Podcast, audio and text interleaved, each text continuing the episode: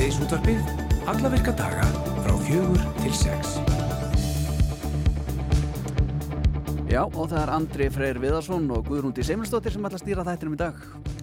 Þau þurftu ekki að deyja er fyrirsögn á forsíðu heimildarinnar sem kom út í dag í blaðinu og á vefsíðu blaðsins heimildi.is er að finna úttækt á snjóflóðinu sem að fjall á Súðavíkuþorp í janúar 1995 og kostaði 14 manns lífið.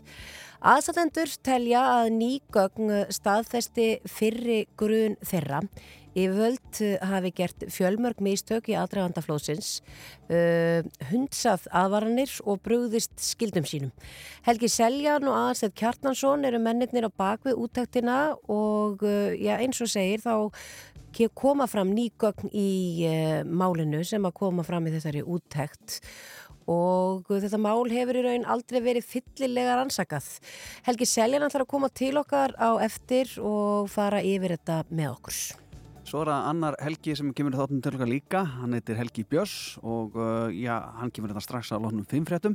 Hann ætlar að halda tónleika um helgina í beinu streymi en við ætlum að forvindast meira um það á að hita fyrir páskana og páska helgina með Helga sjálf. Það hefur ekki spilað líka nýja lægið hans. Gekkja lag. Ég það kannski eitthvað gaman, við erum búin að spila það svolítið mikið undan sko. Já, ég, já, já, já. Við finn, við finn, það er ekkert mál, við bara sittum bara hendun í bókan og dröfum okkur upp og það kemur gott sko. Það kemur gott. Ekkert mál. Svo er það Ragnhildur Steinu Jónsdóttir eh, sjóanskona, hún ætlar að koma til okkar eh, núnum páskana, nána til degið og annan í páskum, þá verður síndu fyrsti þáttur af sex í nýri heimildatháttaröð hennar og Eirík Singa Böðvarssonar sem að ber nafnið Tvíburar. Mikinn áhuga á tvíburum og uh, það er búið að það var síndur, frumsíndur fyrstu þátturinn í bíó, í háskóla bíó.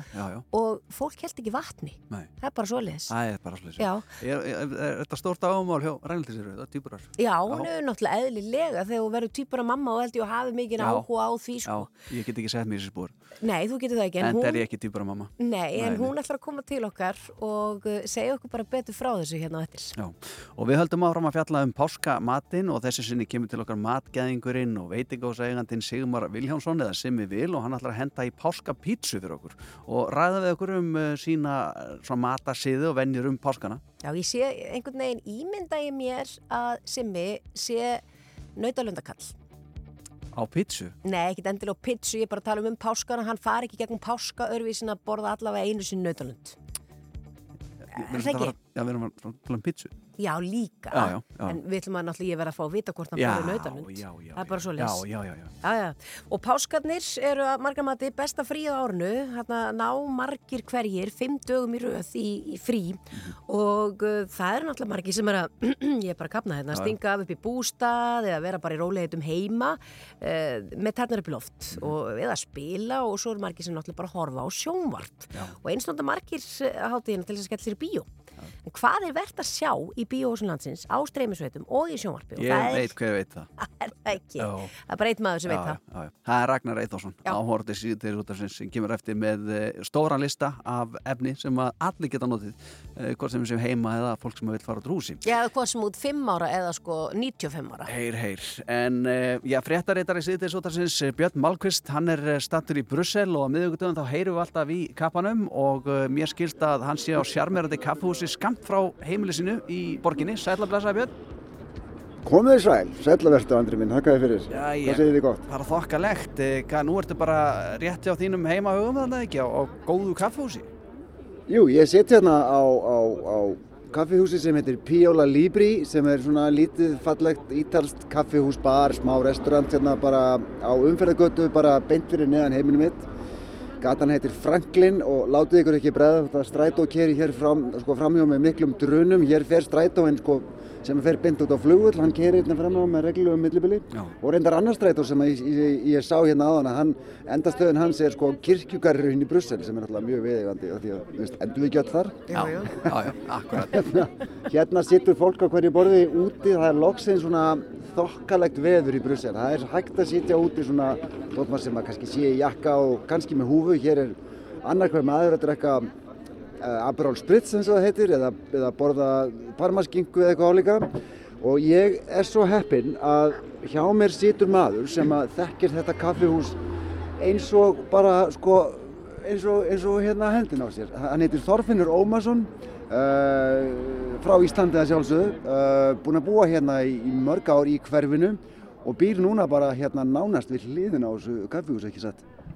Jú, ég bý hérna tveim húsum frá, getur við sagt. Þetta er númer held í 62 og ég er númer 58. Þannig að þú kemur hingað reglulega. Já, ég gerir það nú, en ég hef búið á tveimur öðrum stöðum í borginni. Ég hef búin að búa hérna núna í næstu 13 ár. Tíminn flýgur hratt, já, gerfin þetta öldin og allt saman það. En hérna, og ég hef alltaf búið í sama hverfinu og ég finn fyrir að margir íslendingar hafa svona fordóma gagvart Európa-hverfinu, halda það sér mjög leðilegt, en eins og þú ert búin að lýsa hér á þessu kaffehúsi þá þá er margt mjög skemmtilegt hér og við sjáum Díokanat, hodnrétt á mót okkur er frábær grískur veitingastæður Akkurat. þannig að það er nóg, að, nóg í bóði hér. Sem ég hef eftir að prófa reyndar því að hann er bara á hotninu við neðan heimili mitt. Akkurat. Við, við Þorfinnur eigum heima bara nánast hlið við lið, ég segi ekki hlið við lið en svona mjög stutt hverf frá öðrum og hérna þetta eins og hann segir, þetta þetta er bara mjög fínt hverfi, þetta er, mjög kannski, fyrir mig, kannski það besta þetta er nálægt vinnunum minni og hérna e, þetta er bara virkilega svona vinalegt hverfi og þetta kaffihús hér spillir nú ekki fyrir. En mér langaði til að spyrja það Þorvaldur sko, þú kemur átt hingað hérna er góð stemning á kvöldinu oft. Það er, sko, en ég tek eftir því að það eru bara ítalskar bækur. Þetta heitir náttúrulega Píóla Libri sem er Píóla bókabúðin. Það eru bara ítalskar bækur hérna á kaffihúsinu. Því að það er sko, langað að læra ítalsku til að lesa eitthvað af þessi sem er hérna. Jú, ég er ég veit ekki hvað maður að kalla það fær í ítalsku en ekki svona kannski einskóður í franskunni en hérna ég get alveg stötta mig fram úr henni uh, en jú, þetta er mjög skemmtilegur nefnilega karakter á þessu kaffehúsi vegna þess að það er bara ítals, það er allt ítals hérna. Akkurat. og eins og þú segir, Aperol Spritz hér uh, ég er ekki vinnunni þannig að ég má fá mér en hérna Ég er með te, by the way. En hérna, og inni er þau selja líka vín til að taka með sér út og svo er allir réttirnir bara ítalskir, þetta er allt mjög ítalst og þetta er svona ítalst bókakaffi en með svona ífavi og stundum á kvöldin eru hér viðbörðir, það er stundum jazz tónleikar eða upplesturar og það er allt mögulegt. Þannig að þetta er rosalega skemmtilegt kaffihús og, þetta allir sem að vinna hér bara ítalir. Já, já. Og, og þú ætti að taka þetta í að þú verður hérna í ágúst að þá bara loka þér og fara til Sigilegar Skýtt með businessin, bara heim, já, bara heim til mömmu, bara heim til mömmu. Algjörlega, og það var engin Ítali sem vill vera hér, þeir verða að komast heim til Ítalíu. Sko, mér langar til að gera smá þema hérna í, í, svona í framtíðinni í sítiðurþúðspunni og tala um matarmenninguna í Brussel. Sko, við Andri höfum talað mjög mikið um vöflur, ég veit að Andri er rosalega hrifin af vöflum og hérna, hann fekk náttúrulega vatn í munni þegar ég gerði hérna pistil um, um sko, vöflur um daginn. En ef við svona vikkum aðeins sjóndendarhingin og byrjum kannski á Frites, er það ekki ógeðslega gott? Hvað er það aftur? Já, ég meina kræklingur og franskar, eða bláskél og franskar. Bláskél og franskar. Já, sem er svona einn af, við getum kallað þjóðaréttum uh, belga. Já. Mjög vinsælt, en belgarnir uh, borða þetta í mjög stórum skamtum. Þetta er mjög vinsælt í Fraklandi líka og mér finnast sko svona millistóri skamtar alveg nóg af, af þessu. Þetta er, þetta er svona frekar einægt, getur við sagt. Og franska með. Og franska með, já, já, já. Og við vorum með þetta að borða, ég er með soninn minni hér og kærasta og, og lítið barn og þau eru hér hjá mér og ég mitt í, í bara gerðkvöldi, þá vorum við tilvinnum, það ekki má spyrja með þessu, við vorum einmitt að fá okkur múlfrít í gær, af því að þau eru að fara núna á morgun Já. og voru ekki búin að fá sér.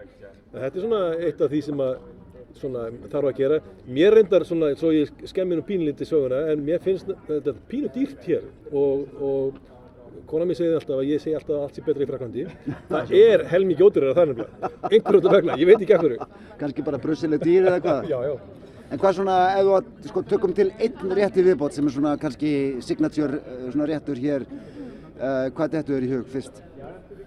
Sko, ég veit að það er kannski ekki endilega signature fyrir alla, en annars sem við vorum að fá okkur bara núna síðdeis í dag, við fórum á marka hér sem er mjög skemmtileg inn í söðurluta borgarinnar, þá fengum við okkur ostrur og það er mjög auðvelt að fá sér ferskar ost, ostur hér. Það er reyndar að koma frá Fraklandi flestar. Eins og allt annað sem gott er. Já, allt sem gott er. En ég veit að það eru ekki fyrir alla. En svo ég tala eftir um konuna mína, hún byrjaði, hún, hún ætlaði ekki að vilja borða ostur til að byrja með. Sem heitir Ástrós. Já, Gunnarsdóttir, dansari. Og hún hins vegar uh, komst að því, fór svona í bara almennt tjekki á lækni. Og þar var henni sagt að hún væri fyrir lág í B12 vítamíni. Okay.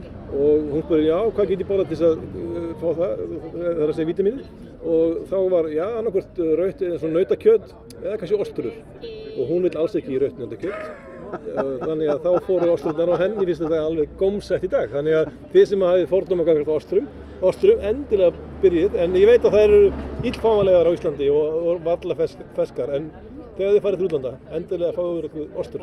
B12, B12 klikkar ekki, uh, látum þessu lokið svona staðarnumið, hérna búin að tala um sem sagt uh, krækling eða bláskel og osturur með þorfinni ómansinni, býra á Bíóla Líbri kaffihúsinu í nákvæmni ja, okkar begja.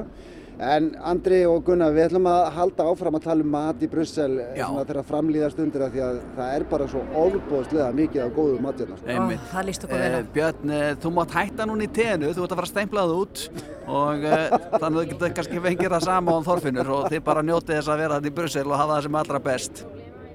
Bestu hverjur heim. Og gleðilega páska. Sömu leiðis og gleðilega páska.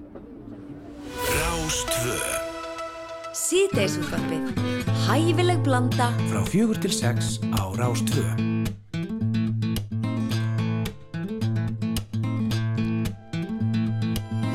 I try to do it quietly.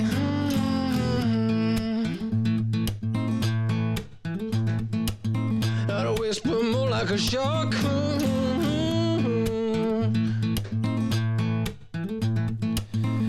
try to disorganize neatly what to keep and what to block.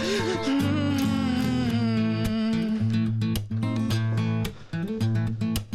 I shout like that old fly.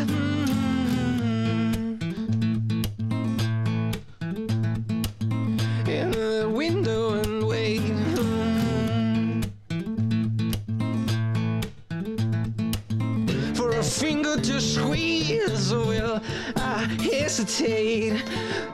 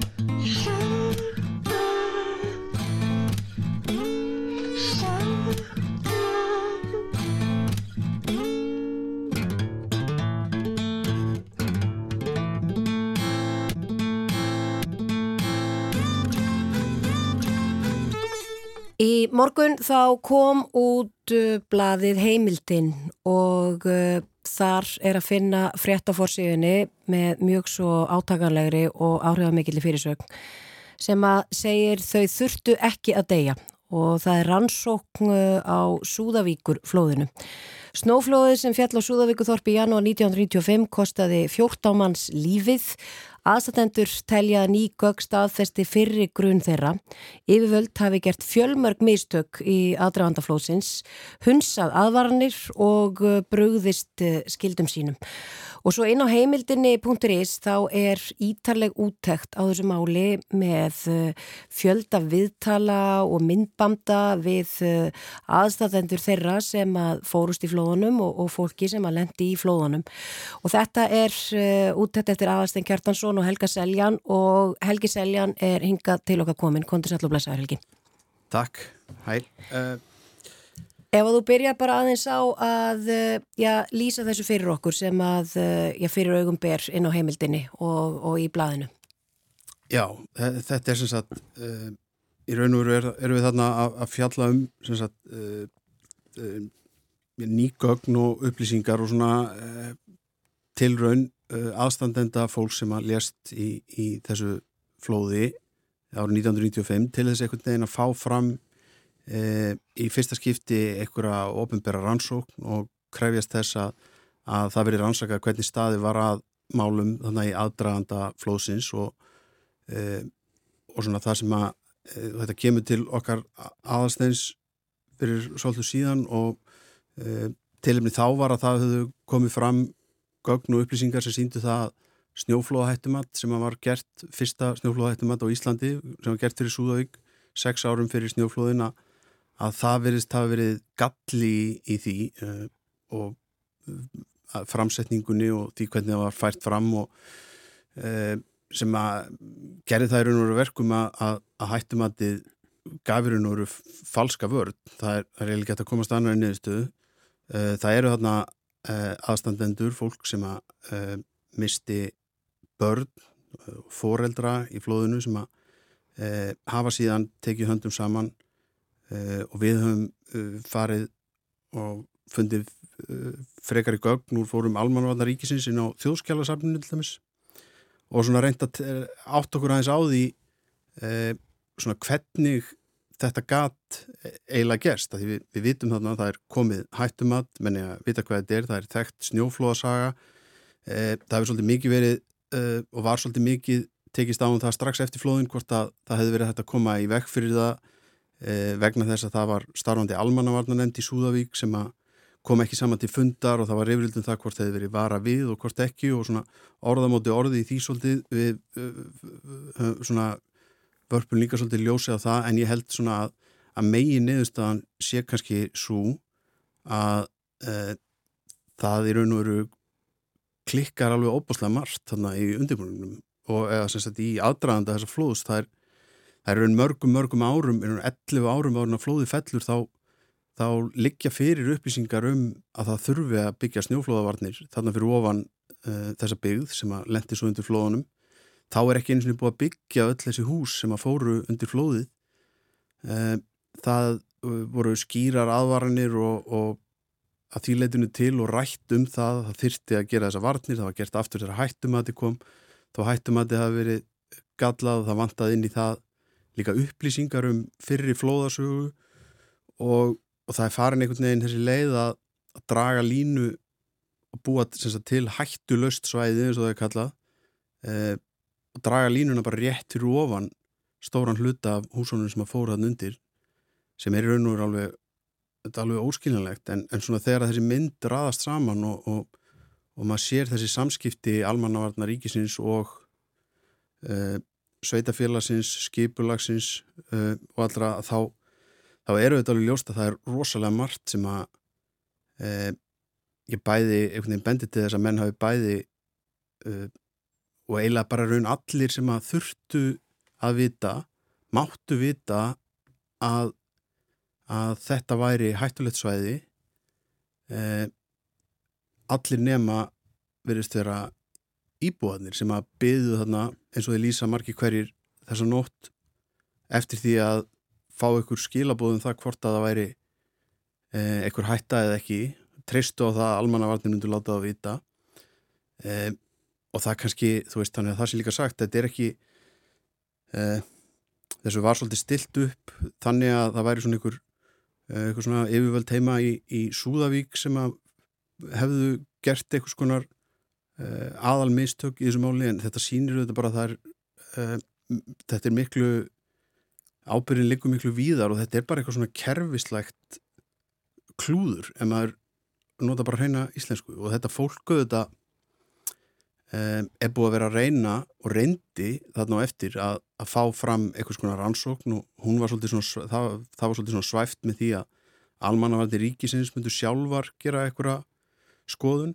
En þeirra skoðun einhvern veginn tók aldrei til uh, þess sem gerðist á árunum fyrir flóð og hvað menn vissu og hvað menn gáttu vitað.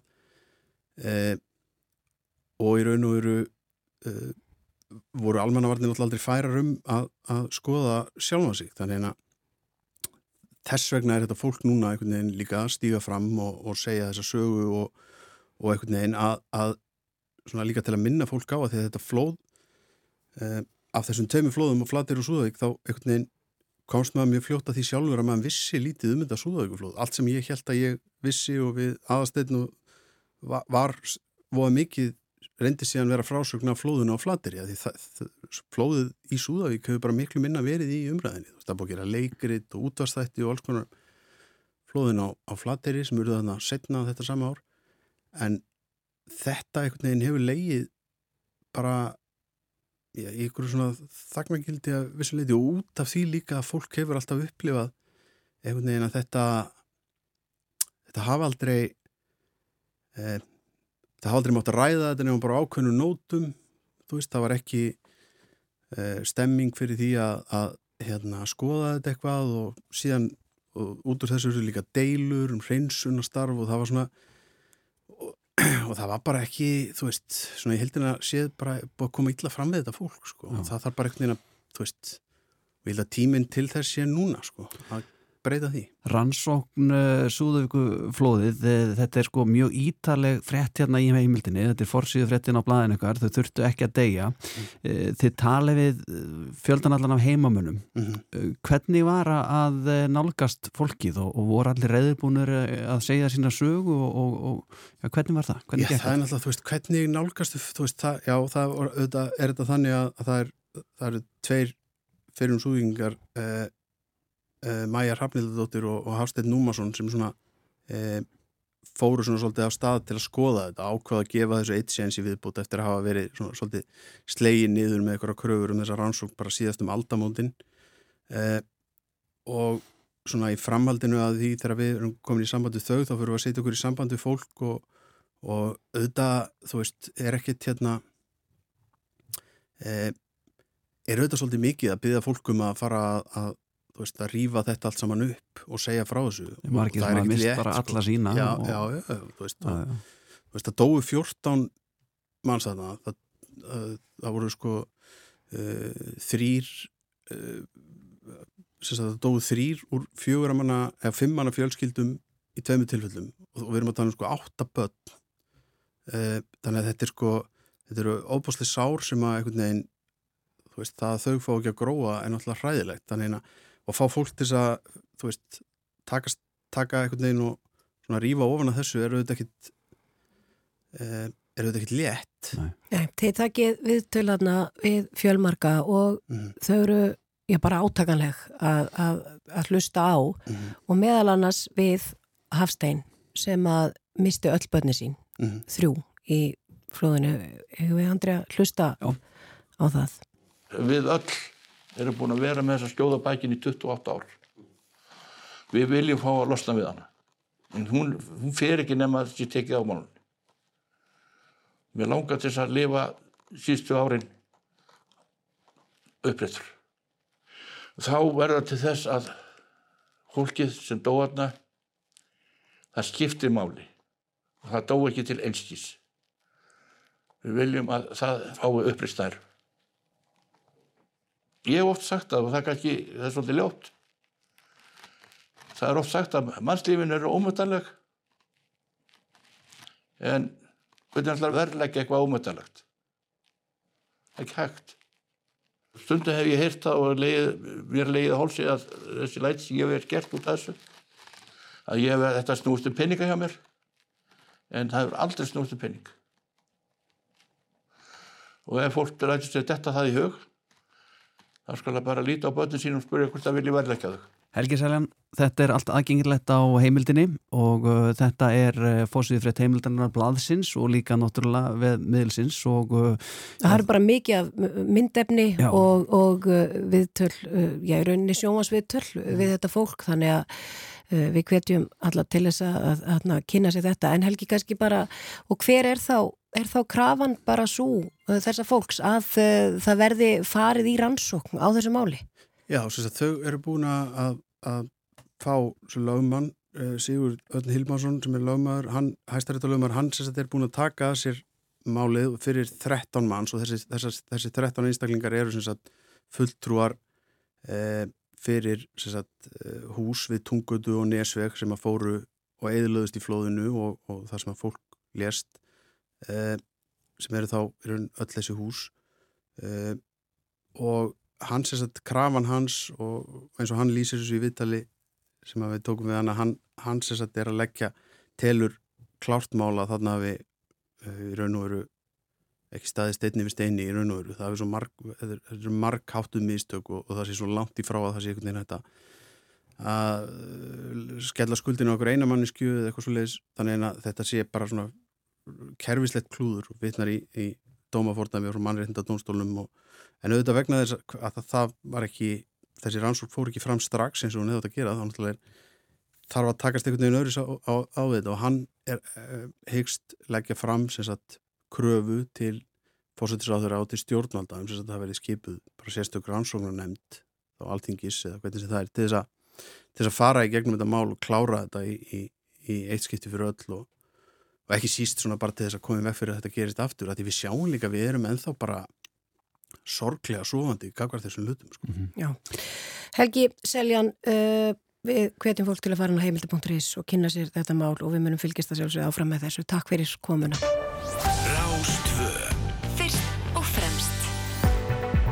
Veðurhorfur næsta sólaringin.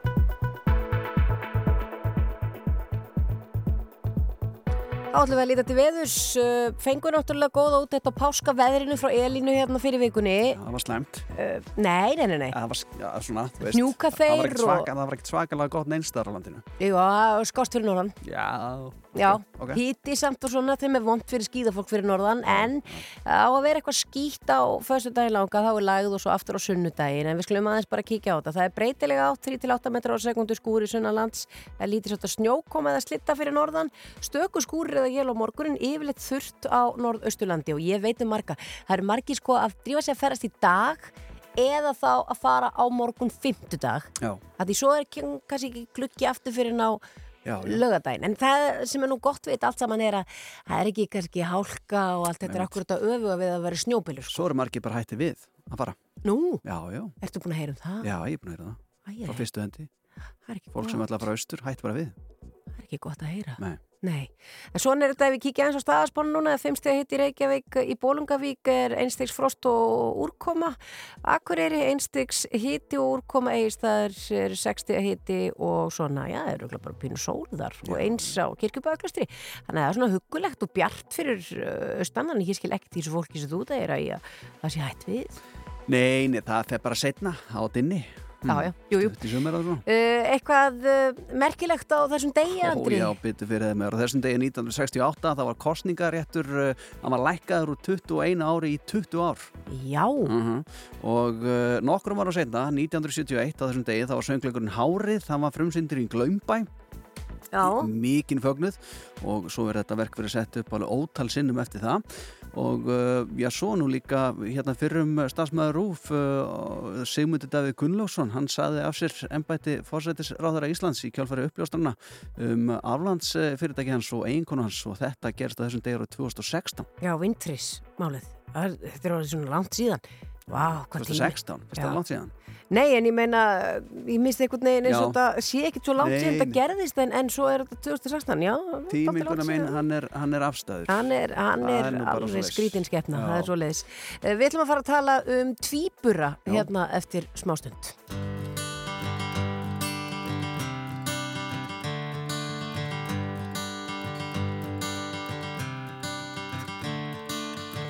Another turning point, a fork stuck in the road. Time grabs you by the wrist, directs you where to go. So make the best of this test and don't ask why. It's not a question, but a lesson learned in time. It's something unpredictable, but in the end is right. I hope you had the time of your life.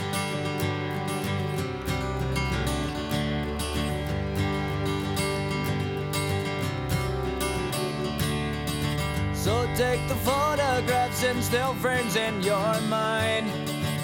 Hanging on a shelf in good health and good time. Tattoos and memories and dead skin on trial. For what it's worth, it was worth all the while. It's something unpredictable, but in the end is right. I hope you had the time of your life.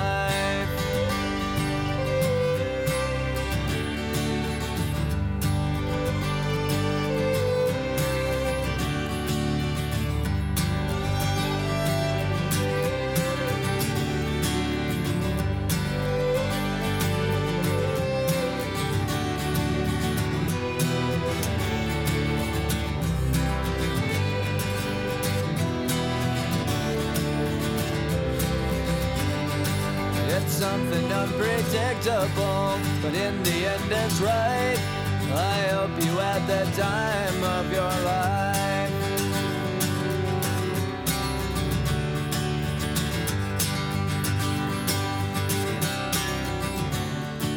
It's something unpredictable, but in the end it's right. I hope you had the time of your life.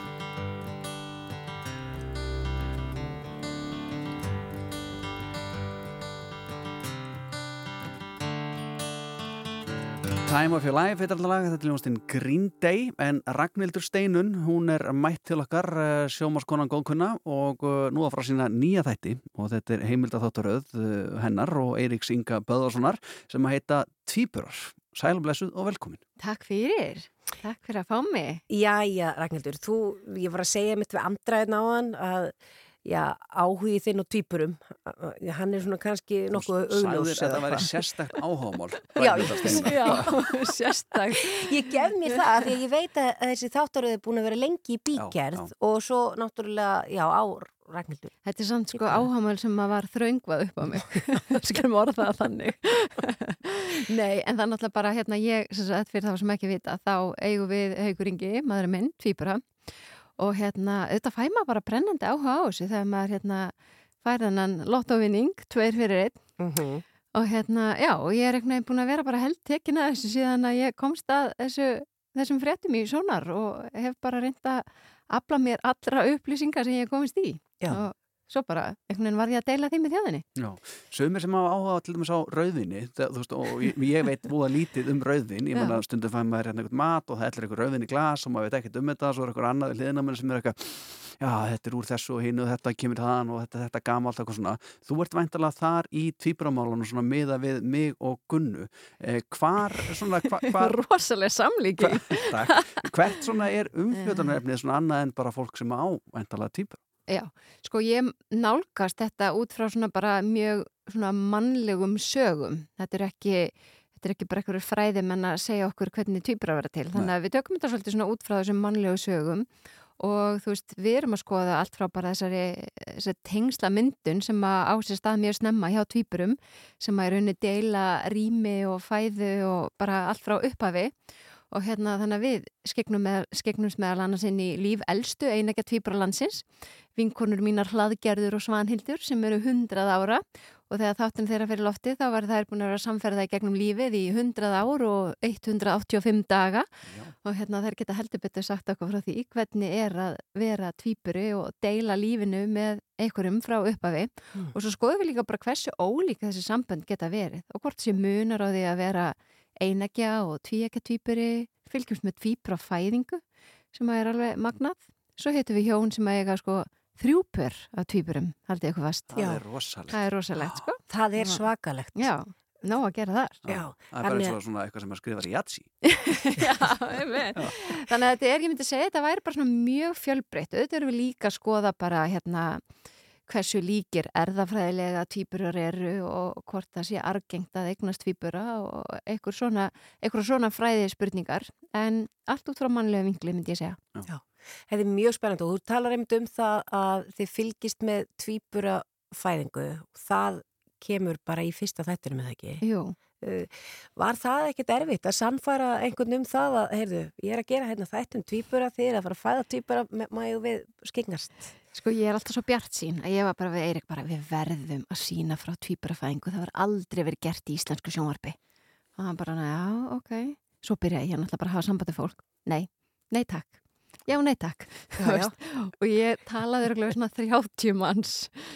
Ég skil alveg að fólk segi nei takk veist, en hérna þegar ég loksins fekk er já, við erum til í að huglega þetta. Og ég bara, ef, að- ef að hitta skaffi og hérna, svo fekk ég fyrsta jáið og alveg bara þvílíkt ánað það er bara COVID og spítalinn bara nei það er ekki sjans að við séum að fara að leipa ykkur um inn á fæðingadeildina sko, þú getur bara glemt því. Mm. og við mistum á fjórum fæðingum út á COVID. Við Já. bara hreinlega fengum ekki aðgang að spítalunum Já. þannig að maður var svona alveg að gefa upp alla von þegar hérna við loksins fengum sem sagt Alexandru og Arnar Hlín sem að leifa okkur að vera að fluga vegg í sinni fæðingu. Fengum leifi frá þeim til þess að vera mem. Og ég fekk hérna digga aðstof frá Sigurlegu Benindisdóttur sem er fæðingalæknir á landsbítalunum og þetta lukkaðist, þetta tókst. Ó, þetta, en þetta var löng fæðing. þetta var, þetta voru 63 tímar frá að hann kemur á spítalan þannig að við sem sagt fórum náttúrulega bara heim á milli. Og ég var nú bara stödd í brúðköpi Viktoríu Hermanns og Sóla Hólm þegar kallið kom. Ég fekk bara skilabóð frá Arnar Lind dæturnar er á leiðinni, viljiði bara drífa ykkur?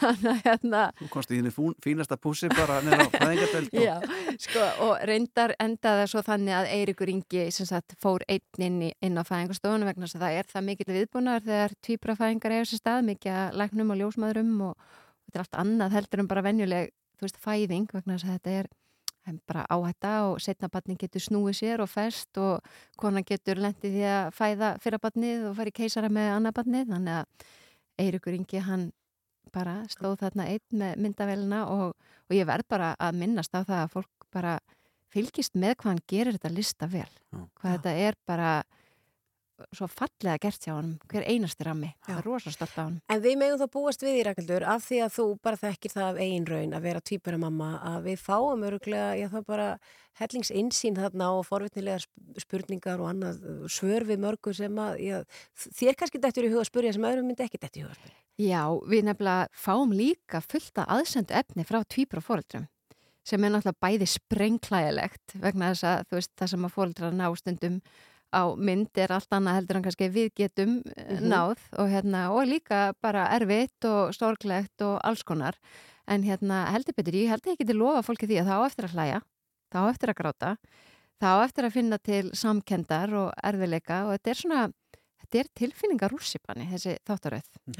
Fyrsti þáttur á annan í páskum á rúf klukkan 1940 1940 tvíburar bara til hamingju með þetta eh, Ragnhildur og Eirikur auðvitað og við hlokkum til að horfa. Takk fyrir. Og gleðilega páska. Gleðilega páska.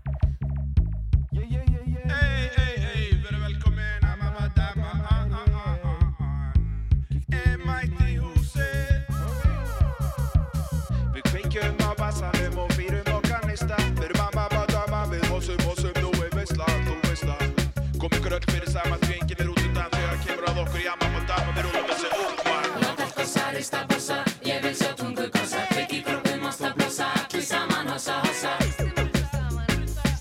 Hossa, hossa. Láta allt gossa, rista bossa, ég vil sjá tungu gossa Kveik í kroppum, ásta blossa, allir saman hossa, hossa. Hossa, hossa. Dansgólfi sjóðandi heitt og fólki laðrandi sveitt. Við dansum óáreitt og hugsum ekki um neitt nema hvort og allt það sem er bannað.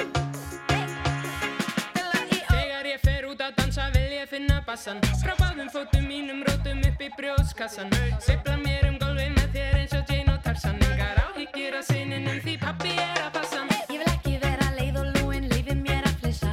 Finna bassan, bánsa ekki, hangsa bassan hrista Týna mér í transi, dansi, dillaði þér sista. Og ef mér langar þig að kissa, skaltu ekki verða hissa. Bumbidi bæ fyrir dansarna, dansarana og dansvanna engin leið á stansana Bumbidi bæ fyrir bum bum bum, bara bassi við elskum bassana Bara bum bum bum, mamma ba hún, listir á sér að sanna ey. Láta allt gossa,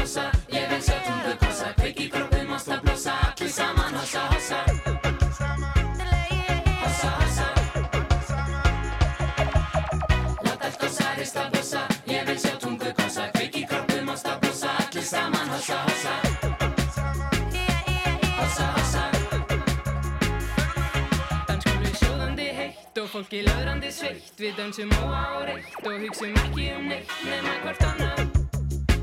Og allt það sem er bannað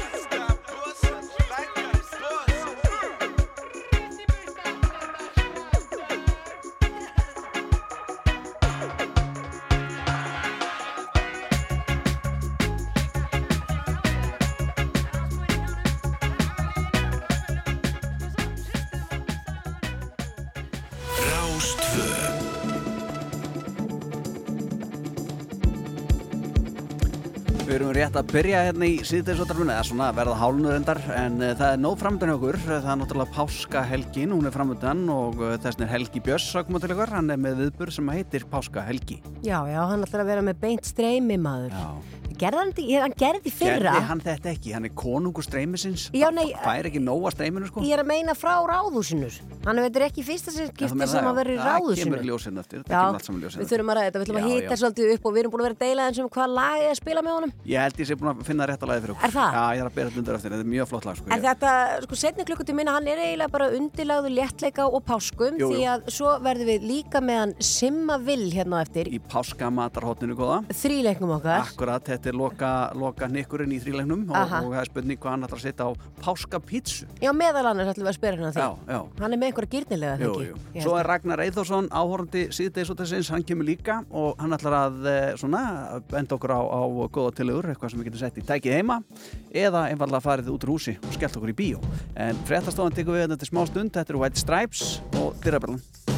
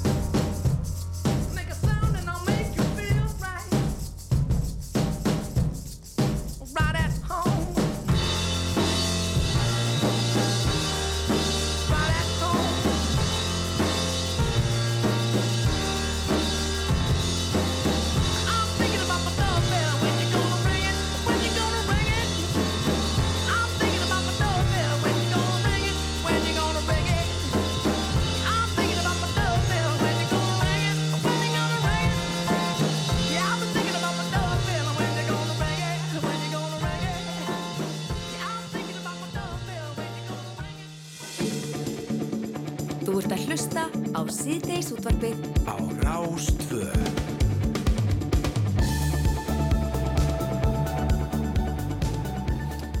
Já, Páska Helgi sjálfur, Helgi Björns, hann er mættu til okkar í síðdegisóttabæð sæl og blessaður. Komið sæl. Já, Helgi minn, þetta er svona þín hátíð. Já, já. Og orðið það?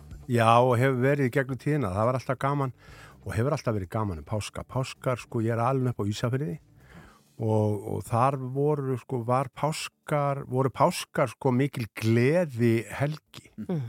Sko, alveg frá því ég man eftir mér og ég man til dæmis að fyrst, sko, þá voru að koma, þá kom Gullfoss, því glæsta skip, eimskipafélagsins, lagðist að sko, hafnabakkanum á miðgudag, um, bara miðgudegi síðdeis, bara núna og sko með fullt hús, fullt skip af fólki sem að var bara bara að eyða helginni á Ísafriði við skýða yðkun og skemmtanahald. Já. Og það var alltaf sko ball á miðgudegi, kvöldvak á fymtudegi til hálf tólf, ball eftir miðnætti á föstu degi, Það mátti náttúrulega ekkert á föstu deginu. ekki sko allan föstu daginn, sko, Aha. frá miðnætti til sko miðnættis. Já. Svo var sko hérna, kvöldvak á lögadeginum til hálf tólf og svo ball á sunnudeginum eftir miðnætti. Þetta hefur bara verið sko útgerð. Já, þetta var bara prógram, þetta var svolítið svona eins og að fara sko skýða fyrir Alpana, þú varst bara sko á skýðum á, kvöld, á daginn og, og svo var bara svona smá skemmtun og djamma á kvöldin. Já. En ég meina ef- eins og þegar þú ert þá ungur, Mm. Það lítur að það verið kærkomið að fá bara fullan báta fólki og lífi bæinn að miðjum vetri til þegar kannski var mikið búið að vera ófært og, og fólk ekkert á ferðinni. Bara algjörlega, þetta gjör breytti bara bænum og þetta var maður beigð eftir þessu allan veturinn að fá páskana og fá allt þetta líf í bæinn og stemning og stuð. Já. Helgi, þetta er nú kannski ósækjandi spurning hérna í ljósið þess að þú ert mikill jólamæður líka og uh, það þú ert mikið að syngja um jólin, uh, kemur víða fram þá. Uh, hvort þykir nú skemmtilegra á páskum eða jólum? Á páskum. Já. Já. Það er bara hlust. Já. Það var það afgreitt. Eh, ertu, ertu maður... Eitthvað Nei, nei, nei. Ertu maður sem ég að setur í páskaskraut? Já, Vilborg hefur gert það. Hún hefur sett svolítið í páska, sett í svona páskaunga og páska sko greinarnar, þú veist, með hundsprungi. og- Það er fallegt. Já, það er mjög fallegt. Og fá svona vor ilmin. Já, tulipanana jafnvel. Já, já. geggjað. Dásalegt. Já, En aðeins sko áður fyrir að ræða Mm. streymið, þá verðum við að ræða líka því við erum með mata þríleik hérna við Andri. Já. Við erum svolítið að ræða, fá til okkar matgeðinga og erum búin að vera að fá svona, fólk fá hugmyndir eða hvað ég borð um páskana. Já. Mann þarf kannski hjálp við það. Líka maður er ekki eins vanafastur um páska eins og maður er. Og þú ert nú matgeðingur. Já. Helgi, hvað, hvað eh, finnst þér gott að borða á páskum? Mér finnst bara, já, sko, á páskum við ætlum að, við höfum nú oft, sko, páskalambið á páskadag. Mm. Það er svona veist, gaman að halda því við. Mm. En svo er allt, ég ætla að vera með, sko, bællimis bara humar á föstu daginn langa. Já. Já, gamlan í skápnum sem ég fekk einhvern tímann. langa löngu. Það var svona létt bara á föstudaginn. sé- Ég má að sé í lægja þá. Og hérna, í kvöld er ég til dæmis að fara hérna á Brassir í Kásnes og fá mér sko saltum bokkala romana. Hvað ert að tala um Það er æðist. Hvað er það? Það er sko kálvakjöld Já. og það er sneitt svona, ég, ég lærði þetta þegar ég var á Ítalíu og sko, og svo ertu með uh, skinku og sko salvíu bl- lauf sko, og- en svo er þetta krydda náttúrulega svo, svo Já, steikt er það ekki svona. bara ráskinga og, og svo salvíu laufin og Jú, þetta? jú. Vá, þetta er gott. En sko, já, það kemur svo mikið bragð með skinkunni sko. Mhm. Vá. Þetta finnst mér rosalega gott Já. og hérna, þetta er svona já, ég, þannig að ég er svolítið búin að ég á eftir að finna út í hvað ég ætla að hafa á, á skýrta sko. Já, það er ekki ákveðið alveg strax. En það núna náttúrulega er þetta orðið allt öðru vísi. Nú eru vestlanir, ég tökum dæmi, ég er ofta að vestla fyrir páskana þeir, eru- þær eru opnar á morgun. Já, já, akkurat. Já, einmitt. Vel flestar eru opnar á skýrta þetta er ekkit vesen lengur. Þetta er ekkit svona vesen og maður þurfa eitthvað líka upp á matasóun og svona, maður þarf ekkit eitthvað að vera alveg Vínbúðin stafla. reyndar, Gunna, hún er ekki opinn um páskana. Nei, Hún það er reyndar eitt sem að Já, já. hún skellir í lása eftir. Já. Það er eitthvað sem að maður verður að passa. Já, já. Eh, helgi, páskahelgi, streymið. Já, þú verður vona góðu, þú er náttúrulega konungur streymisins hérna og, og er svona, þú, ég myndi segja ekki konungur streymisins kannski, heldur svona konungur sko að koma fram í bytni, ég meina þú uh, áttir það, það, það svið á sínum tíma, Já, já. gerði mikið fyrir þjóðarsáluna Mm. uh, og nú ætlar að fara að henda í páskahelgi sem verður streymi. Já, á lögataskvöldi. Við ætlum að gera þetta. Við hefum ekki gert þetta um páskáður og þannig að þetta er, eh, sko, ég hef gert þetta núna tvær veslunumanna helgar, þar sem þetta er svona viðbyrðu sem við getum keift, sem sagt, Mhm. pay-per-view eins og við kalla á Mhm. henskunni og hérna við kallum þetta streymi, þá skilja allir að þetta er sem sagt ekki í beinni útsendingu í sjónvarpi heldur þarf að kaupa viðbyrðin, sem sagt Já. og hérna og mér finnst svolítið spennandi að gera þetta núna um páskana og, og, og það er, ég sé alveg fyrir mér að mér finnst svolítið gaman að geta haldið eina tónleika og, og það geta allir á landinu uh, sko keift sér inn Já. Uh, þannig að það er svona svolítið skemmtilegt konsept í raunni Já, og staðsetting skiptir ekki máli þegar Nei. eru náttúrulega margir á faraldsfætti líka. Það er margir fara faraldsfæti en, en einni fyrir fólk sem að býr sko, lengra frá höfuborgarsvæðinu. Það er alltaf mikið af tónleikum sem eru einungis uh, hér á þessu svæði og sem er svo sem auðvitað ágætt og það er býr hérna náttúrulega meiri hluti þjóðarinnar orðið næstu eða allavega rúmlega helmingur en hérna en sko listamenn eru partin að fara minna út á land og minna á svona, sem við kallum svona túra, hljómleika ferðir og auðvitað er fólk þar sem að hefur ekki möguleika endilega á að sækja tónleika sem það kannski hefði á að gera og þetta er allavega eitthvað svona sem kemur til móts við það Já. Svo ekki sem minnst á sjómennina og, og hvað þá önnu Kristjánsson félag út í til hróli. dæmis og ég bara fregnaði það að það sé mikil stemning á veist að- Loksins. En Helgi, ég er nefnilega, ég var búin að vera uh, gammað um það hérna við andra. Mér finnst einhvern veginn, er þetta ekki í ráðsunu? Ég- þetta er í tjarnarsalnum Já, í tjarnarsalnum. Já, ég, mér, á, ég var nefnilega komin búin að vera först á því. Ég sagði, hann, hefur hann ekki gert þetta áður? Jú. Já, en þú segir ekki um páska. Nei, ég hef ekki gert um páskáður, nei Já. Vestlunarvíkir Vestmenn Já, já, já. Í, í fyrra skipti var ég á Hótel Borg og í setna skipti var ég í Tjarnarsalnum og við erum endur að taka það núna um páska. semst. Ég hef reyndar sko var eitt þáttur þarna í COVID-inu sem var um páska. Það er rétt ef að þú ert að kannski Já, það er öruglega það. Já, já, Ég horfi mikið um páska. já, það var einmitt, sko, það kom, þá var allt í einu öllu loka og skellt í lás og við ættum að vera búin með prógramið en það var bætt við einu þætti af því að það var allt bara skellt í lás. Það fyrir að vanta gleði. Já, Já, já. það var Þetta, svoleiðis. þetta er svona, og hvað ertu með þína svona, já, maður fara að sletta svona usual suspects með þér að spila? Já, já, við reyðmennir og svo stækka í bandið og hérna og með svona smá brassi og við ætlum aðeins að sko færa okkur úr hlöðinni í, í stástofuna. Já. Aðeins að pimpa þetta upp. Já, já. að Taka smá svona, veist svona, kannski setja upp slaupu bara. Já, þú verður í fínu fötum. Já, Já, jafnvel, sko. já, já, já, já. spáði það, Já, sko. geggjað. Hérna, Þannig að hérna, þetta er svona, svona hátíða búningur, já, já. skulum við segja. En neini, allt með sama sniði og við hérna, við sem sagt opinberum ekki, opinberum ekki gesti, það er alltaf svona skemmtilegt fyrir fólk Mhm. að svona geta sér til hverjir koma nú í þetta sinn og við höldum þeim um, þeim vana og hérna en það verður, ég get lofa því að það verður mjög skemmtilegar uppákomur þarna það er, og já, þannig að þetta verður svona í svona þessu formi sem að við höfum verið með það í Mhm. En hérna, en bara mikil gleði og hérna ég held að En þetta geta allir kefsi inn alveg sama hjá hvaða símafyrirtæki Já, eru já, og svoleiðis? Já. Já. Sko, þú ert með myndlikil Símans, þú veist, þá ferðu bara, og myndlikil Vodafone, þá ferðu bara inn á veituna og fer bara, finnur viðburðir Já, já, já. og búm búm og svo er þetta bara búm búm, skilur. bara, og þá fer þetta inn á sjálfkræðin og reikningin. Já, já. Og tvisar, þrisar, ok, takkin. Já, það er bara tvísvar. Dung. Já. Og það heyris mér svo svona, dugg, dugg. Já. Og hérna síðan er sko, ef þú ert með bara tölvuna eða, eða smart sjónvarpið eitthvað vilt fara í gegnum neti, þá er, þá fer inn á helgibjörs.is og þar kaupur þér aðgang. Já, já, auðvitað. Þetta er mjög einfalt. Þetta er ekkert þessin. Nei. Þetta er ekkert þessin. Og uh, já, páskahelgi framundan, uh, allir uh, geta fylst með og haft gaman. Já. Uh, klukkan hvað? Klukkan átta. Já. Já. Á lögadaginn, það er ekki erfitt að muna þetta. Nei, nei. Þetta Það er bara, ég er upptekinn klukkan 8 á lögadaginn. Og þetta er svo gaman krakkar sko maður fer allir bara liftist já, já, auðvitað bara allir Já, þú borðar eitthvað létt er það ekki þá bara áður nú fer það bara súpa og salat er fyrir maður getur ekki bara nei. Helgi, við ætlum bara að sleppa þér út svo getur fara að velja fínu fötin Já. úr fattaskapnum. Já. Uh, spurningin er, verður þetta hugsanlega tekið? Hún að segja já. það er mjög líklegt Já, ok, ok, ok. Helgi Björns, eh, takk ég alveg þetta og gleðilega páska. Sömulegis, kærlega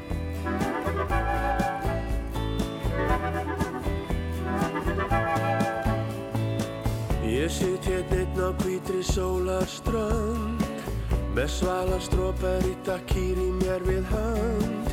Og fögur skonnort að hún siglir fram hjá mér. Hún er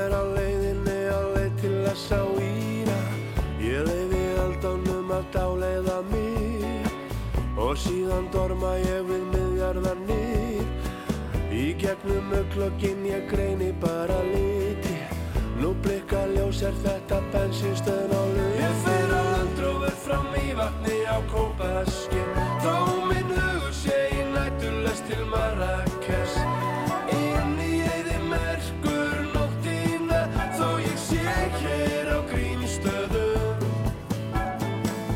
Hérna einn á nýri bensínstöð Og flúa ljósinn flögt öll í röð. Tíu tonna trukkur spýta restur fram hjá mér Og drullan leggur niður bílrúðuna mína. Þá kvarlar hugurinn til Marokko Og hvað hún hét hernum dilli dó. 717 kallar bólugrafin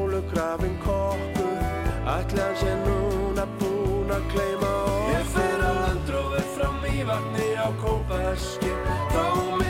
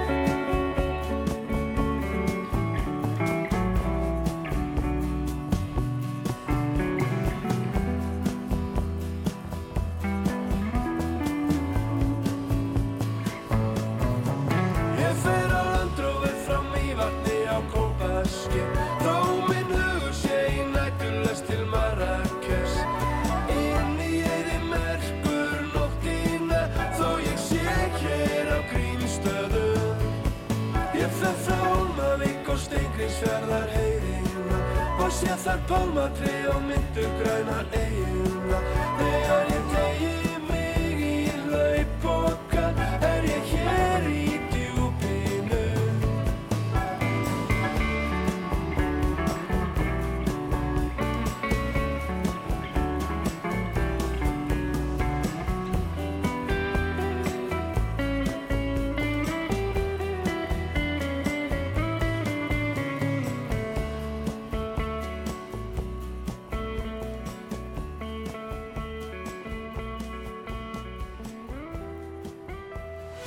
Rás 2 Síðdeisútvarfið Á Rás 2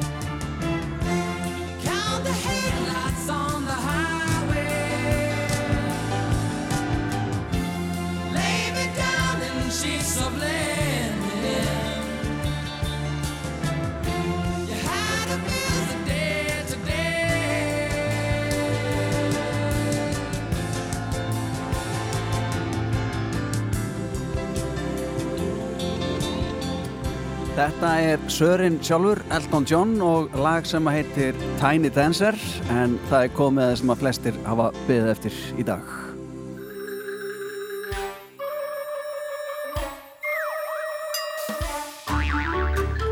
Komið að páskamatarhotni síðdeis útrásins og þetta eru lokin í þessum þríleik okkar sem við erum búin að vera með hérna all nýmulvinguna og uh, við byrjuðum á veganmatnum og færðum okkur yfir í lambakjötið Já, uh, bara í kjötið almennt Já, kjötið almennt Já. og nú er konu maður hinga sem er nýkominn frá útlandinu úr heimsmeistrakefni pítsugerðar, hann heitir Mhm. Sigmar Vilhjónsson, sæl og og velkomin sæl verið. og þú komst vopnaður hérna sko 12 bestu pítsu í heimi Já, við endum í 12. sæti af þessum 92 þáttakandum Mm.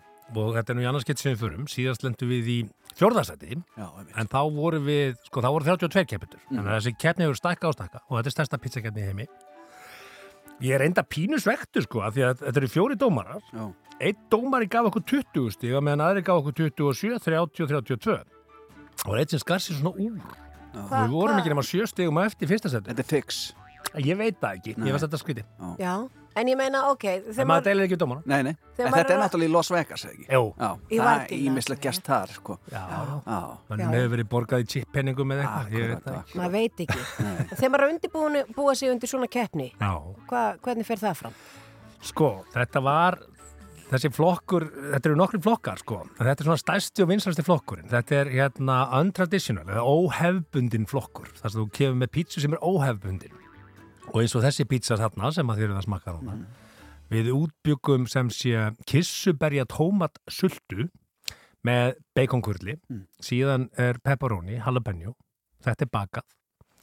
Og og ná setjum við nachos og uh, chipotle alioli og þetta er allt mjög frumlegt en við erum þarna að vinna með pallettuna, tunguna. Við erum með sterkjur, við erum með beiskjum, salt við erum með textur. Og við viljum meina að þetta, þetta mm, svona, breyti búið til partí í minnunum aður og við smigluðum sko við smigluðum íslenskum ostunum okkar eh, með, við tókum með pepperoni eða frá Ali og við tókum með okkur ráefni sko. Settum það í tvær töskur í vönnu skildi vera Já, en já. komast inn með bar. Og þessum með hérna pepperoni byrjun svona ö- undir bólnum. Svona þetta er svolítið þannig Já. smikluð með pepperoni. Já. en hérna, nei nei og svo byggum við bara til súrdegi þarna úti því að við tókum með okkur með sér súr Já, ég meina fóruðu með móður bara með já, já, við Já, tókum já. súrin með og þetta eru súrdegs uh, pítsur sem við erum með nýri í míningarli Mm. þannig að við, já já, við, þetta var bara eftir kunstarannar reglum Mm. heldum þessu köldu alveg fram í tjekkina því að það er nú kalt í vélunum þannig að við vissum að þetta myndi nú ekki skemmast Einmitt. og svo þurftum við að panta upp á hótel uh, auka uh, kæli mjög öðlegt og hérna það var mjög öðlegt og þetta voru með auka kæli. Þetta er magna Já, já, þetta var skemmtilegt Við eh, svona höfðum sambandið þig að því við vissum að þú var að koma úr þessari heimsmyndara keppni og Mhm. alveg ylvolkur og Já. við vorum svona veltaði fyrir okkur hvort það væri til eitthvað sem að eh, hugsanlega var hægt að kalla páskapítsu Mhm. og uh, það stóð ekki á svörun. Nei, sko, ég var alveg pælt í þessu og, og ef við hefðum ekki verið að keppi þessari keppni þá hefðum við sennilega sett fókus í að búa til páskapítsu því að nú er það þannig að flestir eru nú ofta að gera pítsur heima á sig ég veit ekki hvað mörg heimil eða ekki svona gas uh, pítsaopn það var svona svo bláa fótanuttæki í fyrra. Já, já, já. og hérna og það er gaman að experimenta með pítsur af því að í rauninni er pítsur svona kultúr, þetta er afgangsmatur eins og allur skyndibiti. Mhm. þú veist þetta var mjög vinsalt hjá innflytjendum, ítölskum innflytjendum í New York að, að spara dýrarháafni eins og, eins og pilsuna og, og metta magan af, af í rauninni brauðinu Mm. mm. og þetta sama, sami kultúr er í taco, sama er með sushi þess að þú hérna, ert með meira frískonum að því að það er nóg að því en spara á dýrarháafni Já. þannig er rauninni skyndibiti í grunninn að þá er mjög gaman að experimenta með pítsu og hérna, nú er mjög vinsalt til að mynda að nota ekki endilega alltaf pítsasósu heldur til dæmis nota kvítlöks smjör eða kvítlöks ólju í botnin áður þú setur pítsun inn, þetta er svona blanko, heitir blanko pítsa Já. og ég hugsaði fyrir svona páskapítsu að það væri að setja í mitt kvítlöks smjör eða kvítlöks ólju, blanko, í botnin taka síðan uh, lambaöxl og rífa hana niður, búið til svona púlt uh, lamp, svona svo púlt pork nema bara að nota, nota lampið uh, marinir það svolítið í smá, smá barbecue.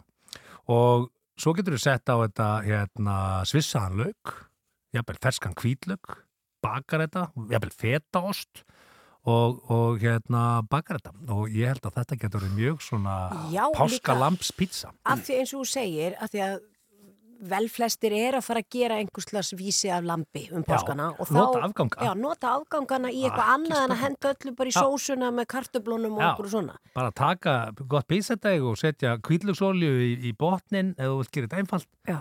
og rífur niður lambakjöti, marin er það kannski aðeins í, í smá barbekjúsósu Vá. og hérna svissaður lögur Mhm. hvítlaugur, jafnvel fetaostur gefur þessu smá svona Já, já. tvist Já.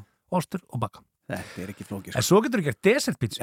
Ég gerir tvær pítsu, sko. Af því að við erum að fara að borða páskaegg og sömur kannski klári ekki alveg. Nei, nei, botnin. Já, og þú getur notað, sko, þú getur búið desertpítsu. Það er mjög skemmtilegt líka. Og þá er henni, setur þú bara pítsuna, flyttur hann út, notar síðan brotin af eggjunum og afgangin af eggjunum og dreifir því svona yfir eins og pepperoni á pítsuna, þannig að það bráðnar við, við, í bakstrinum, þannig að þú ert bara með heitt súklað on á, on á pítsu.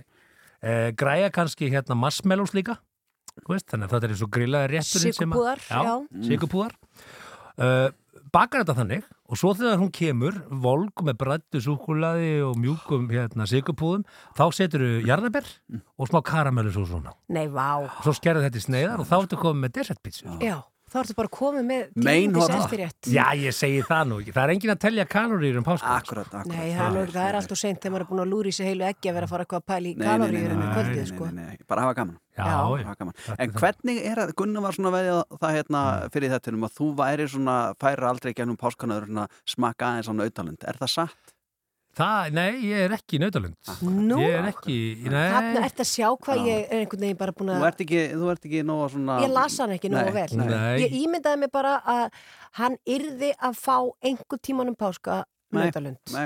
Nei, ég er ekki það sko. Ég er almennt ekki, þú veist, nautalund er fín. Ég er meira hrifin af ribbæ. Ég er meira hrifin af svona feitunauti uh, með feitusprengingum í. Já. Þannig að sko lundin er alltaf lund sko, en það er meira bragð, sko bragðið í nautinu er í feitunum. Er í feitunni. Þannig að þú vilt það og helst að hafa beinið á. Það er alveg... Já, já, er, það, er það verið tómahákin? Já, ég var reyndar á mánudaginn með skrítið matabóð, Já. mjög skrítið matabóð, þar sem að ég hendi tvær tómák, þannig að ég er eiginlega búið með svolítið skamtina þínastu dagana. En hérna, neini, ég meina páskalamb, mér finnst líka gott að fá mér eh, kalkun eða kjúkling, Mhm. já, já. páskal, svona aðeins léttara, að því þú ert að fara í súkulag. Við vitum að, að þó að við ætlum bara að fá okkur tvö brot, þá verða þau öruglega fjögur, Talandi, fimmtán. við, við fengum til okkar góðan mann í dag og við vorum að ræða það svona ekki í loftinu en uh, vorum að tala um hakk og Mhm. nautahakk. Já. og hann talaði um það að hann kipti lambahakk því lambahakk og mm. pítsu væri svona stórkostlega gott. Og Mhm. því þú ert að koma með líka lambalærið og hann á pítsu þannig að þetta er lambið er kannski vannmetu og hann á pítsuna. Já, sko, ég meina, ég hef búið og það eru til lambapítsur uh, hérna á, á stað sem ég átti einu sinni shaken pizza, þar vorum við með lamb og bernes pítsu, mjög góð, bernesósan er mjög góð, þú verður að setja hana eftir að þú ert búin að baka pítsuna, sko, því að annars skilur hún sig. Já, já. en þú setur hana sem svona toppingsósu, mjög góð þannig að lamb er mjög gott. Við byggum líka á sínu tíma í fabrikunni til lambborgara og þá þarfst að nota nauta fytu þú notar hreint uh, lambakjött Mhm. en blandar í það nautafytu og sama gerum við með hreindiraborgara þegar þú notar, hre- tekur hreindirakjött hakkar það, þá notar við nautafytu á móti, nautafytan er algjörlega nútral. Og hún ítir undir það bragð sem það er sett sama við. Á meðan þú ert með smá ullabragð af lambafytunni það er ekkert sérstaklega gott í hambúrgara og það er ekki gott að nota reyndirafytu þá litlu fytu sem finnur á reyndiri í borgara þannig að nauta fyta ef þið farið í hérna til eitthvað sláturús eða farið til hérna, kjötin eða manns eða eitthvað og kaupi bara hreina nautafytu blandi því út í lambakjött þá, þá farðu þennan hérna, juicy feeling sko. Vá. Sigmar, mm. rétt árum sleppið er, uh, ég ætla bara að benda hlustundum á að taka upp pennana, uh, vera tilbúin eða, eða pikka þetta inn í síman eitthvað eða eitthvað, uh, fáum uppskriftina í síðast skipti hérna á uh, páskalamb pítsunni Já. þetta er bara uh, gott pítsadeg mm. kvítlöksolja eða kvítlöksmjör í botnin uh, tekur lambakjött og rýfur það veltir því upp úr smá barbíkjúsósu marinera það, setur svissaðan lauk kvítlök, ferskan fetaost, pítsaost bakist Búm Þetta er komið. Uh, Sigmar Viljánsson, Já. Takk kærlega fyrir að koma hérna Sömuleiðis. í uh, páskar matarhotn Já. uh, síðdeisútarsins og uh, þetta var lokan ykkurinn hérna í, í uh, matnum okkar. Já, fyrir sinni, já, já, já, því miður ég oftur að sakna þess Já, sömulegis. Takk fyrir þetta Sigmar og gleðilega páska. Sömulegis og njótið helgarinnar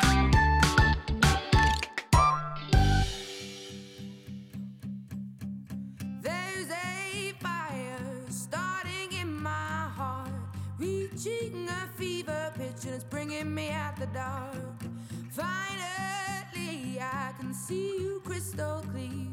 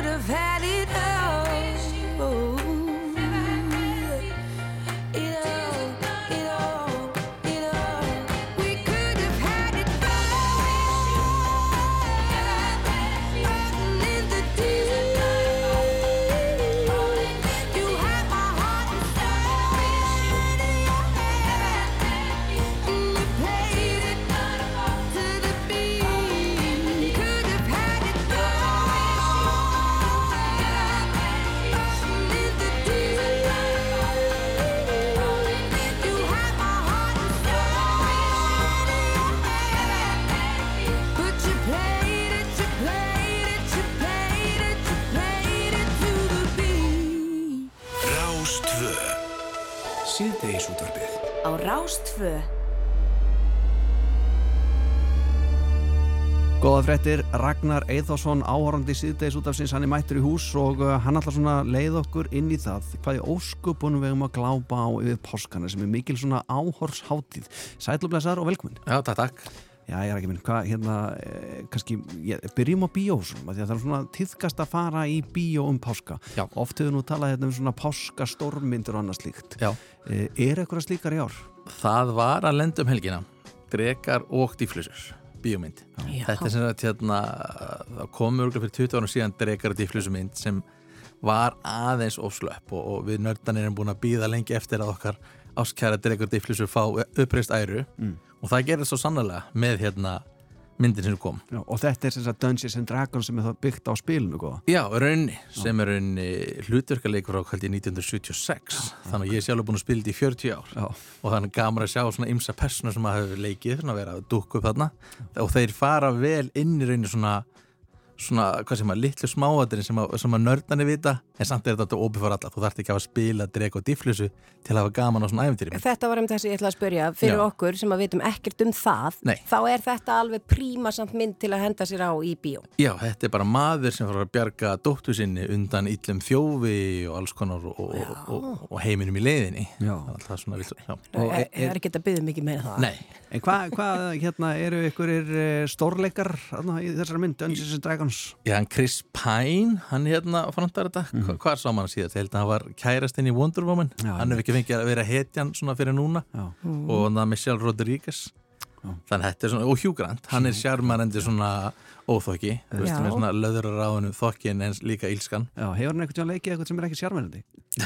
Já, því við erum við, það er hann Já, en svo, svo skrítið að maður heyri sögur í Hollywood um að hann sé bara frekar leiðilegur. Já, það Og frekar ósjarmerandi svona sem persóna, Já. að því hann er frekar stífur, en Já. hann leikur alltaf þessa, maður verður fyrir vombyrjum, að því hann Ég leikur alltaf þessa típu sem maður svona elskar svolítið. Já, ég skil Innan um sinn innsta kjarna er hann ekkert leiðilegur held ég sko Nei, kannski ekki.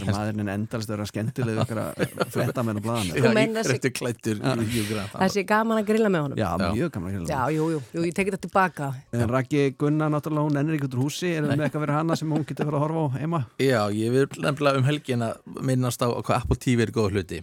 Og það er ný seria með honum Chris O'Dowd í honum sem margir þekkur IT-krátt Mhm. hann er bara eins og háið sem korpur, hann er svo indæll. Og hann er að leika í seríunni The Big Door Prize á Apple TV og þetta er svona það kemur eitthvað dölfullt tæki í hverju litla búð í smábæ og þú ferði í þetta þá segir það hvaða möguleika þú átt fyrir, sjálf, fyrir stafni í framtíðinni. Já. eða svona your potential. Það er ekkert svona almennt íslenskt orðið yfir því. Og fólkið í bænum bara tekur þetta ástfóstri og byrjar að snúa við lífinu sínu til að uppfylla sitt potential Já, það sem að tæki segir því að það eigi að vera að gera. þú gætir öruglega verið góð dansari þá bara hætti mannskinn vinnu og bara stefna þegar gerast dansari þú Vá. gæti verið þetta og, og þessi maður er sem sagt með fyrir ykkar einat líf, nýjan og fertur og finnst einhvern veginn allt bara standa kjört og hann sem veit í hvort hann á að elda það sem tæki segir já, já. þetta er mjög skemmt svona gaman dramanserja en með svona manni eins og Chris O'Dowd þá er þetta intellekt áhorf Já. Já.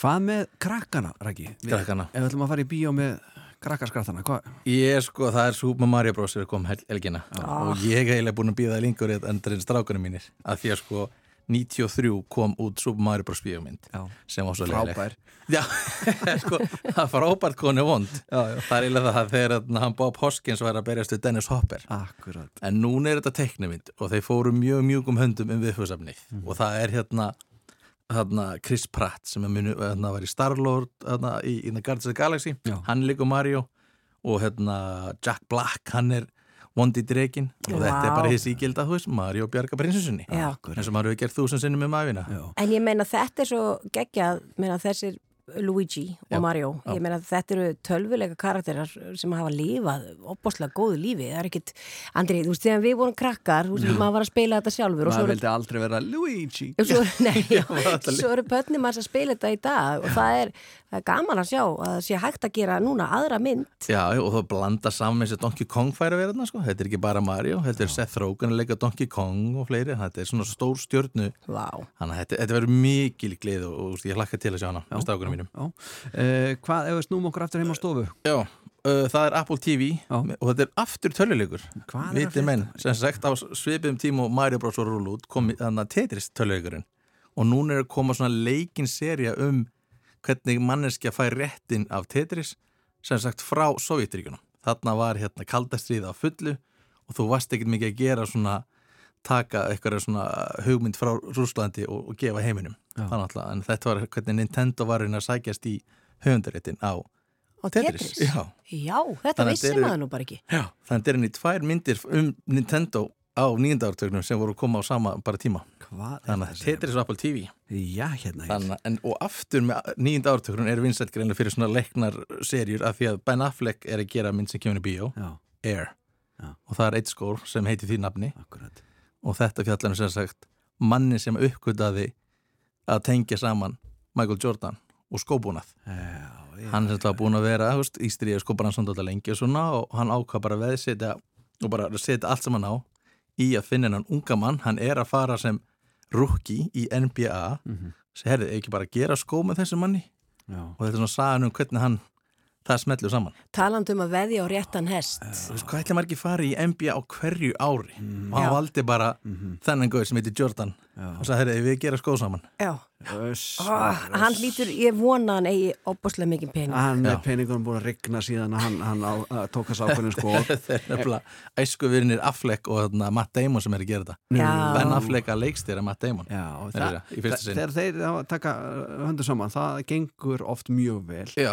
Eru fleiri en þeir tveir félagarnir? Það er hann hérna Jason Bateman úr Resti Development, Viola Davis, Óskar Sóluna Dama og Marlon Wayans Það er nógu stjórn Þetta er einhvern veginn bara veistla fyrir the 90s af því að líka hann að Goodwill Hunting og allt þetta og með Já. þessa tvo og þetta er Já. einhvern veginn, þetta er öskubusku æventýri út í eitt. Já, já, já, nákvæmlega. Og svo páskalur hryllingur líka Já, í Já. Pope's Exorcist Hvað er Exorcist? Það er að, að, að draga djöfulinn úr manneskjum hérna, Er þetta eitthvað svona framalda af þeim myndum? Exorcist? Nei, ég held að þetta er nýtt sko Russell Crowe leikur svona byggt á sönnum atbyrðum maðurinn sem að gerði 10 nei, 100.000 særingar á hérna hvað, 15. og 16. öld. Og þetta er þannig rillingsmynd sko. Ekki, ekki mynd til bóli, ég vel að Mario og Tvírusun Já, ég er alveg til þess að frekar en dansins. Já, en ég menna þetta er, og við erum að tala um Vatikanu og svona, þetta er páskar og... Pávin, menn ekki Já. paskalar en Pávin Akkurat, en hvað með ömmu greið sem að er ekki með þessar streymisveitur og svona og er ekkit mikið fyrir að fara í bíó og sem bölguðu látum alltaf þetta Já, þá er húrrandi íslensk dagskrá á nokkurnu sjónastöðum Við erum með afturheldingu á páskadag, eða ekki? Já. Það er hérna Ingveri Sigursson, Svandi Stóra, Saga Garðarstóttir Hambolta, gaman, drama hérna. Gekja, sveppi Sveppi, þannig að það er rosa veisla á Já. páskadag og Sjónbjörn Símans, Arfurinn minn Einmitt. Þriðja serin hérna af hérna sem að jarðaförin mín Já, byrjaði já, já, og svo brúðkaupið. Og svo brúðköpið, ég Já. skrifaði jarðaförina bæði það, fyrir það sem vitað ekki Skrifaði þú jarðaförina? Já, það var einn í hónu sko Hvað þú? Var það svo hent út? Ertu Ég var bara á fyndinleiti fyrir Arfin. Þetta var Já. svo sorglegt í lokin að ég gátt ekki Já, með en, en við erum aðdáðandur, þá erum við aðdáðandur þínir ekki, þetta er geggjað. Þannig að það eru örugglega alla þeirra komnar það á streymisveitu í Sjónum Símans Já, einmitt, einmitt. Og ef þið ætla ekki verið streymisveitunum þá eru hvað 1, 2, 3, 4, 5 íslenska myndir í bíó yfir páskana. Þannig að ef þið mistið það þessi vor þá er bara á ferð með mömmu, óráð Napoleonskjölin, Vólaðaland og Villibráð í bíó. Þetta er veistla. Heldur betur, Eh, Ragnar Eðarsson, takk kjærlega fyrir þetta. Gleðilega páska. Já, Gleðilega já, já. Þreytir fætur dansa ein. Við barinn svona kortir í fyrir þrjú. Og vinkonan er farin á mín Fyrir aftan mig stendur